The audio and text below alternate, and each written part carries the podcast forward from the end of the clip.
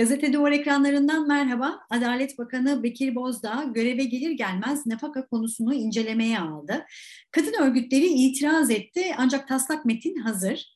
Yapılacak son değişikliklerin ardından nafaka düzenlemesi Cumhurbaşkanı Recep Tayyip Erdoğan'a sunulacak.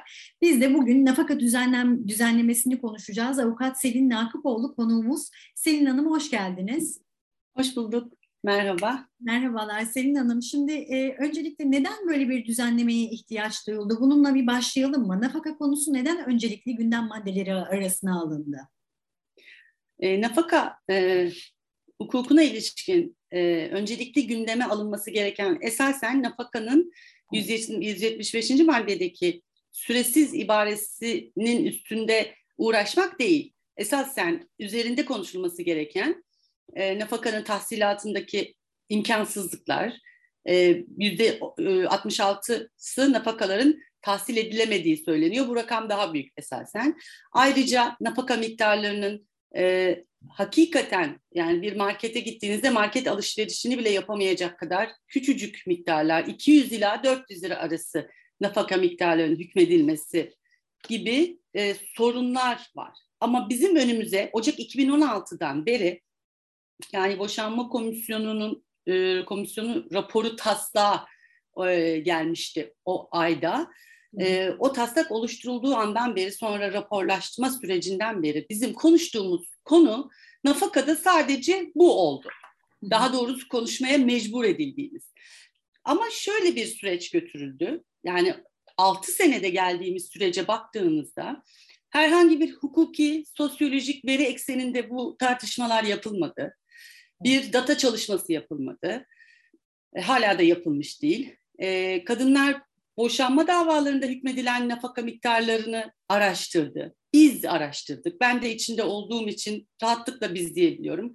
E, Ankara Barosu Çalıştay yaptı, İzmir Barosu rapor yayınladı, Diyarbakır Barosu rapor yayınladı, Kadav rapor e, şey e, Konda rapor yayınladı ve Ankara'daki e, Kadın Dayanışma Vakfı raporu yayınladı. Bu raporlarla biz gördük ki 200 ila 400 arası değişen bir miktardan bahsediliyor. Ve kamuoyuna aksedilen gibi bu miktarlar e, asla ben nafakamı ödüyorum, boşandığım eşim yan gelip yatıyor, alışveriş merkezlerinde e, gününü gün ediyor gibi e, bir e, tabloyla asla örtüşen tablolar değil. Yoksulluktan bahsediyoruz çünkü ya da e, anlaşmalı boşanma davaları gibi değil. Yani işte ünlü bir televizyon sahibi, e, kanalının sahibinin boşanması, boşanmaları ya da basketbolcunun boşanması. İsimlerini vermek istemiyorum bu insanların da çünkü onların özel hayatları ve yani çok tuhaf bir durum oluyor açıkçası.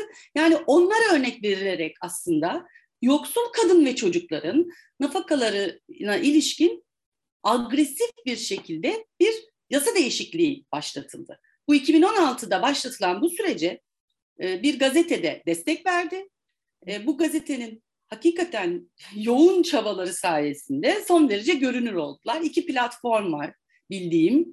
E, nafaka e, karşı platform, boşanmış insanlar platformu gibi iki platform var ve son derece agresif bir yöntem. Nasıl yani? Sosyal medyada bir e, adeta bir e, taciz yöntemiyle yani nafaka gerçeklerini yazan insanları son derece taciz eden, hakaret eden yöntemlerle aynı zamanda mecliste sürekli bir kulis oluşturma, milletvekillerine baskı yapma ama soran milletvekillerine yani hangi dosyadan mütevellit bu talepleri istiyorsunuz dendiğinde hiçbir şey yok. Hep afaki.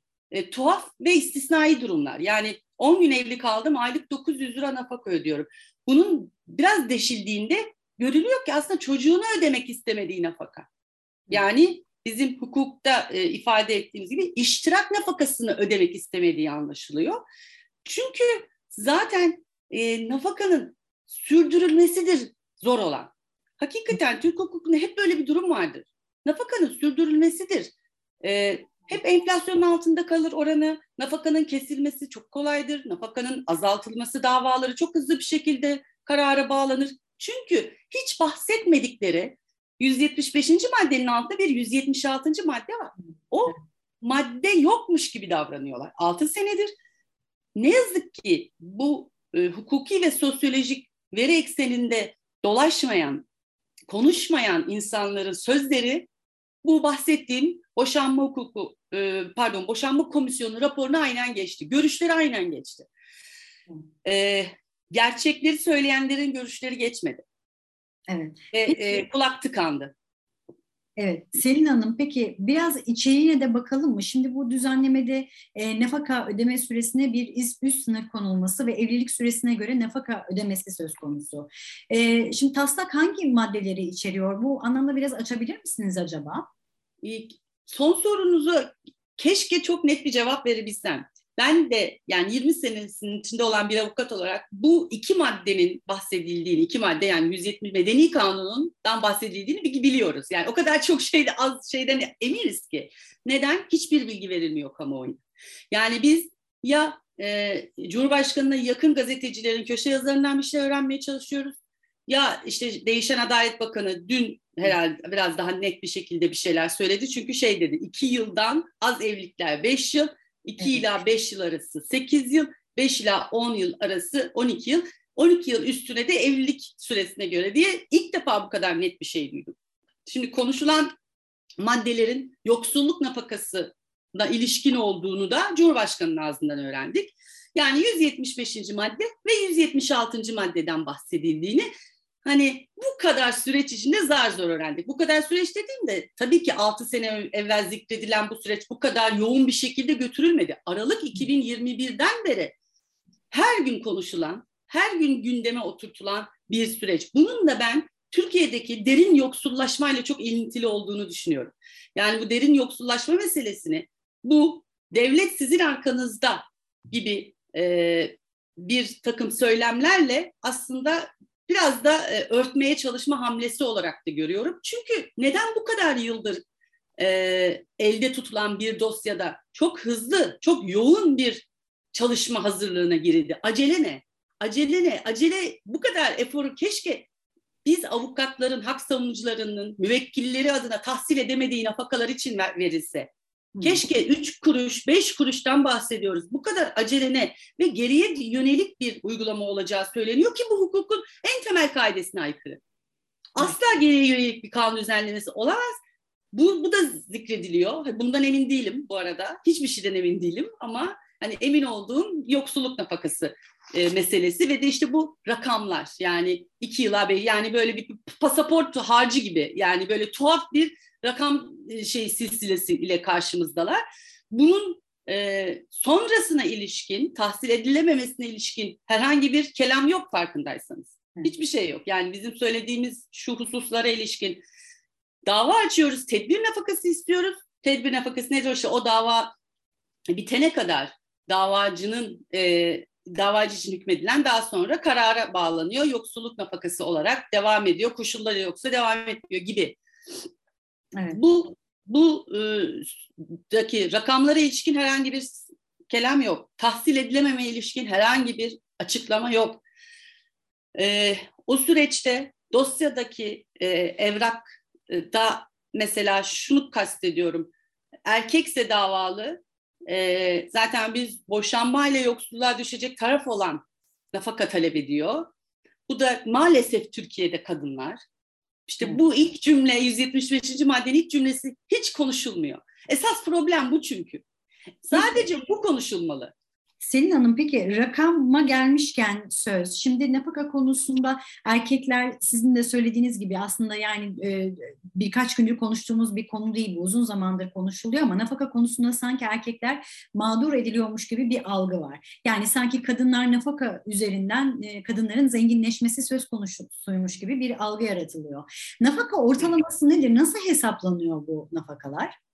Şimdi kanunda e, nafaka miktarını belirleyecek net bir e, belirtilen net bir cümle yok, ifade yok. Hani böyle önce bunu bir kenara koyalım. Ama öyle, diğer husus aile mahkemesi hakimlerinin takdir yetkisi çok geniştir. E, nasıl yani? Her boşanma davası kendine özgüdür ve her boşanma davasında sosyoekonomik durumlarını inceler aile mahkemesi hakimi tarafların. Ee, çalışabilir, eğitim çalışılabilir, çalışmayacağına eğitim durumlarına bakar. Yani hani halk arasında altın bilezik denen hususa bakar. E, sonra e, tarafların tapu kayıtlarından SGK kayıtlarına kadar her türlü maddi e, durumu analiz eder. E, aylık geliri, tarafların aylık geliri, sosyal yaşamı yani sadece aylık geliriyle bu bitmez. Çünkü neden? Aylık gelir hususunda e, aldatmaya çalışılıyor mahkemeler genellikle erkekler tarafından.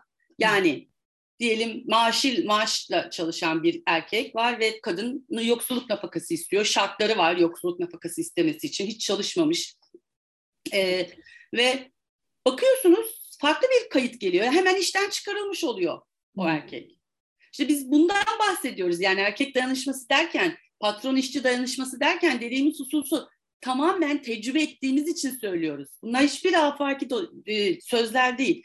Yani ve e, adeta hafiyelik yapmaya başlıyorsunuz. Yani o erkeğin aslında çalıştığına ilişkin. O yüzden salt aylık gelir değil, sosyoekonomik durum, yaşam şartları. Yani sen e, bin lira maaş alıyorsa nasıl on bin lira kredi kartı borcu ödüyorsun gibi hususa ilişkin adeta röntgenlerini çeker aile mahkemesi hakimi. Takdiri çok geniştir. Her mahkeme e, hakimi gibi değildir aile mahkemesi hakimleri. Bir kere yani buna ilişkin. sonrası karar veriliyor öyleyse değil Kesinlikle. mi? Kesinlikle. Bunlar geliyor. Yani bu dokümanlar geliyor önce. Hiçbir şekilde kafasına göre karar vermiyor. Ha bu işte e, tüm totalde işte gelirinin, yaşam şeklinin yüzde yirmi beşi olabiliyor bazen bazen daha azı daha çoğu olabiliyor. Onu hakim karar veriyor. Ama net bir rakam veyahut yüzde diye bir şey yok. Takdir yetkisi dediğimiz husus da aslında bu. Evet. Peki e, nafakaya getirilen yani bu süre getirilmesi, e, yeni yeni düzenleme ne gibi sonuçlar doğuracak Selin Hanım? Yani öncelikle e, şeyi ayırmak lazım. Şimdi söylenen husus salt süre getirilmesi hızlı bir boşanma aşamasına girilmesinden bahsetti. Dün Bekir Bozdağ. Hı hı. E, o çok önemli. Yani hızlı bir şekilde dedi biz boşanmaları bitireceğiz. Yani e, şimdi davaların uzun sürmesi herkesin problemi. Her davanın problemi, her davanın taraflarının, ceza davasının taraflarında problemi. Bir kere bunda bir beis yok. Fakat hani onları bir kenara itip hızlı bir şekilde boşanmaları yapacağız. Önce boşanmalar bitecek, sonra geri kalan nafaka, velayet, tazminat gibi hususlar ele alınacak deme, de, denmesi çok tuhaf geliyor bana.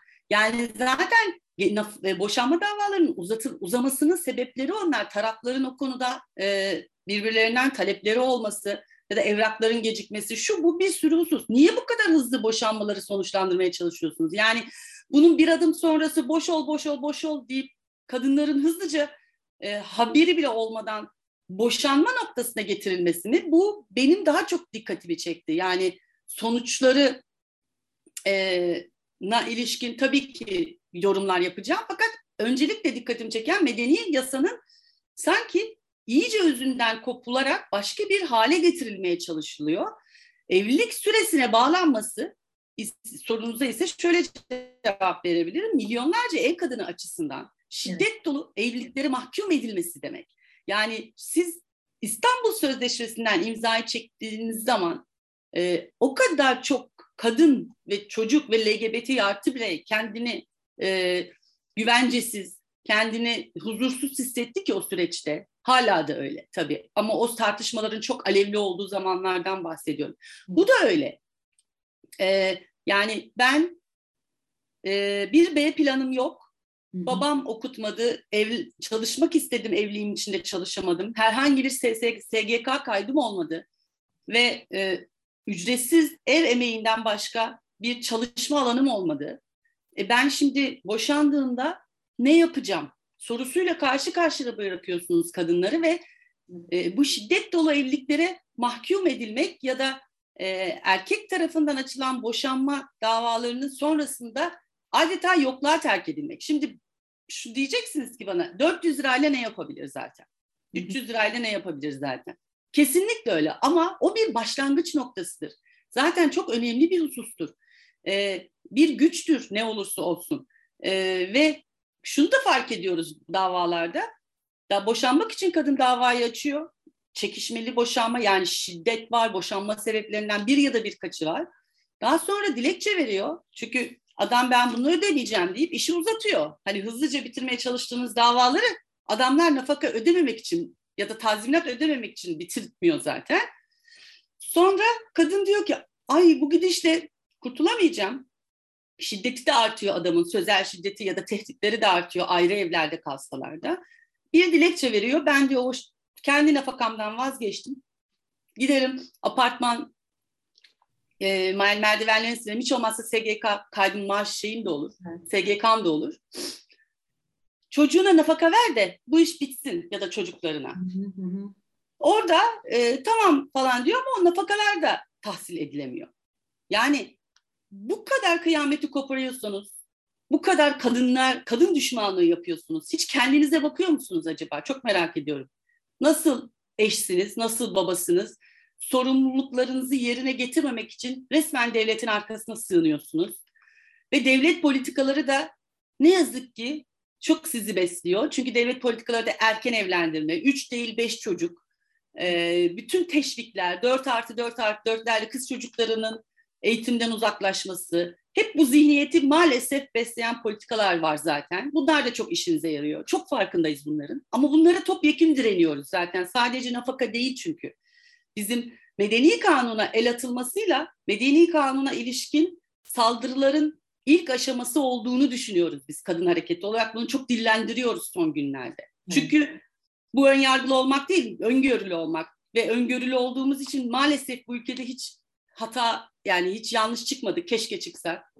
Ama süreç bunu gösteriyor. Yani ülkede erkenden doğuran kadınlar var. Çocuk yaşta, çocuk yaşta anne olmak zorunda bırakılan, aslında cinsel istismara uğrayan doğrusu o kadınlar var. Beş yılın sonunda boşandıklarında bu çocuklara kim bakacak? Var mı ücretsiz kreşiniz devletin? Var mı böyle bir hizmeti? Ben de çocuğumu çok zor büyüttüm. Ben de bir avukat olarak sürekli onu adliyeye götürmek zorunda kaldım. Evet. Hiçbir B planımız yok çünkü. Devlet burada son derece sorumsuz. Her şeyi kadının başına atıp şu anda geri çekilen erkeğe de destek oluyor. Evet ve özellikle de bu taslağın kadınların şiddet dolu evlilikleri mahkum kalmasına sebep olacağını söylediniz ve TV'de gördüğümüz yüksek rakamlı boşanma davaları değil sadece ama gerçek yaşamda yoksulluk çeken kadınların da e, burada göz önüne alınması gerekiyor dediniz. Selin Hanım çok çok teşekkür ediyoruz yorumlarınız için. Avukat Selin Nakupoğlu konuğumuzdu. Yeni nafaka düzenlemesini konuştuk. Görüşmek dileğiyle.